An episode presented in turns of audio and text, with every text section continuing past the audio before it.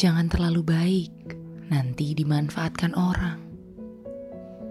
Jangan terlalu baik, orang baik cepat matinya.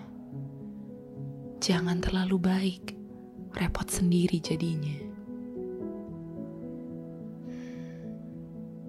Pertama-tama, kurasa tak ada kaitannya antara berbuat baik dengan usia seseorang. Manusia saja yang senang bermain metafora. Kenyataannya, usia kita sudah ada yang memelihara. Sementara jadi orang yang baik, pilihan itu sepenuhnya ada di tangan kita.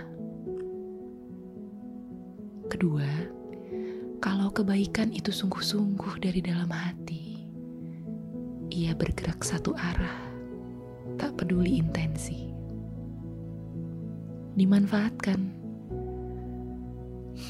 rasa-rasanya tidak juga.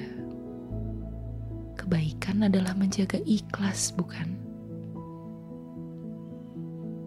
Menjadi orang baik memang tak menjanjikan jalan yang mudah, sama sekali tidak. Tapi bukan berarti merepotkan apa yang dijalani dengan ikhlas, mengangkat beban tanpa memberatkannya pada siapa-siapa. Dan akhirnya, di era yang seolah sudah membunuh kebaikan dengan curiga dan firasat buruk, orang baik hanya butuh peluang.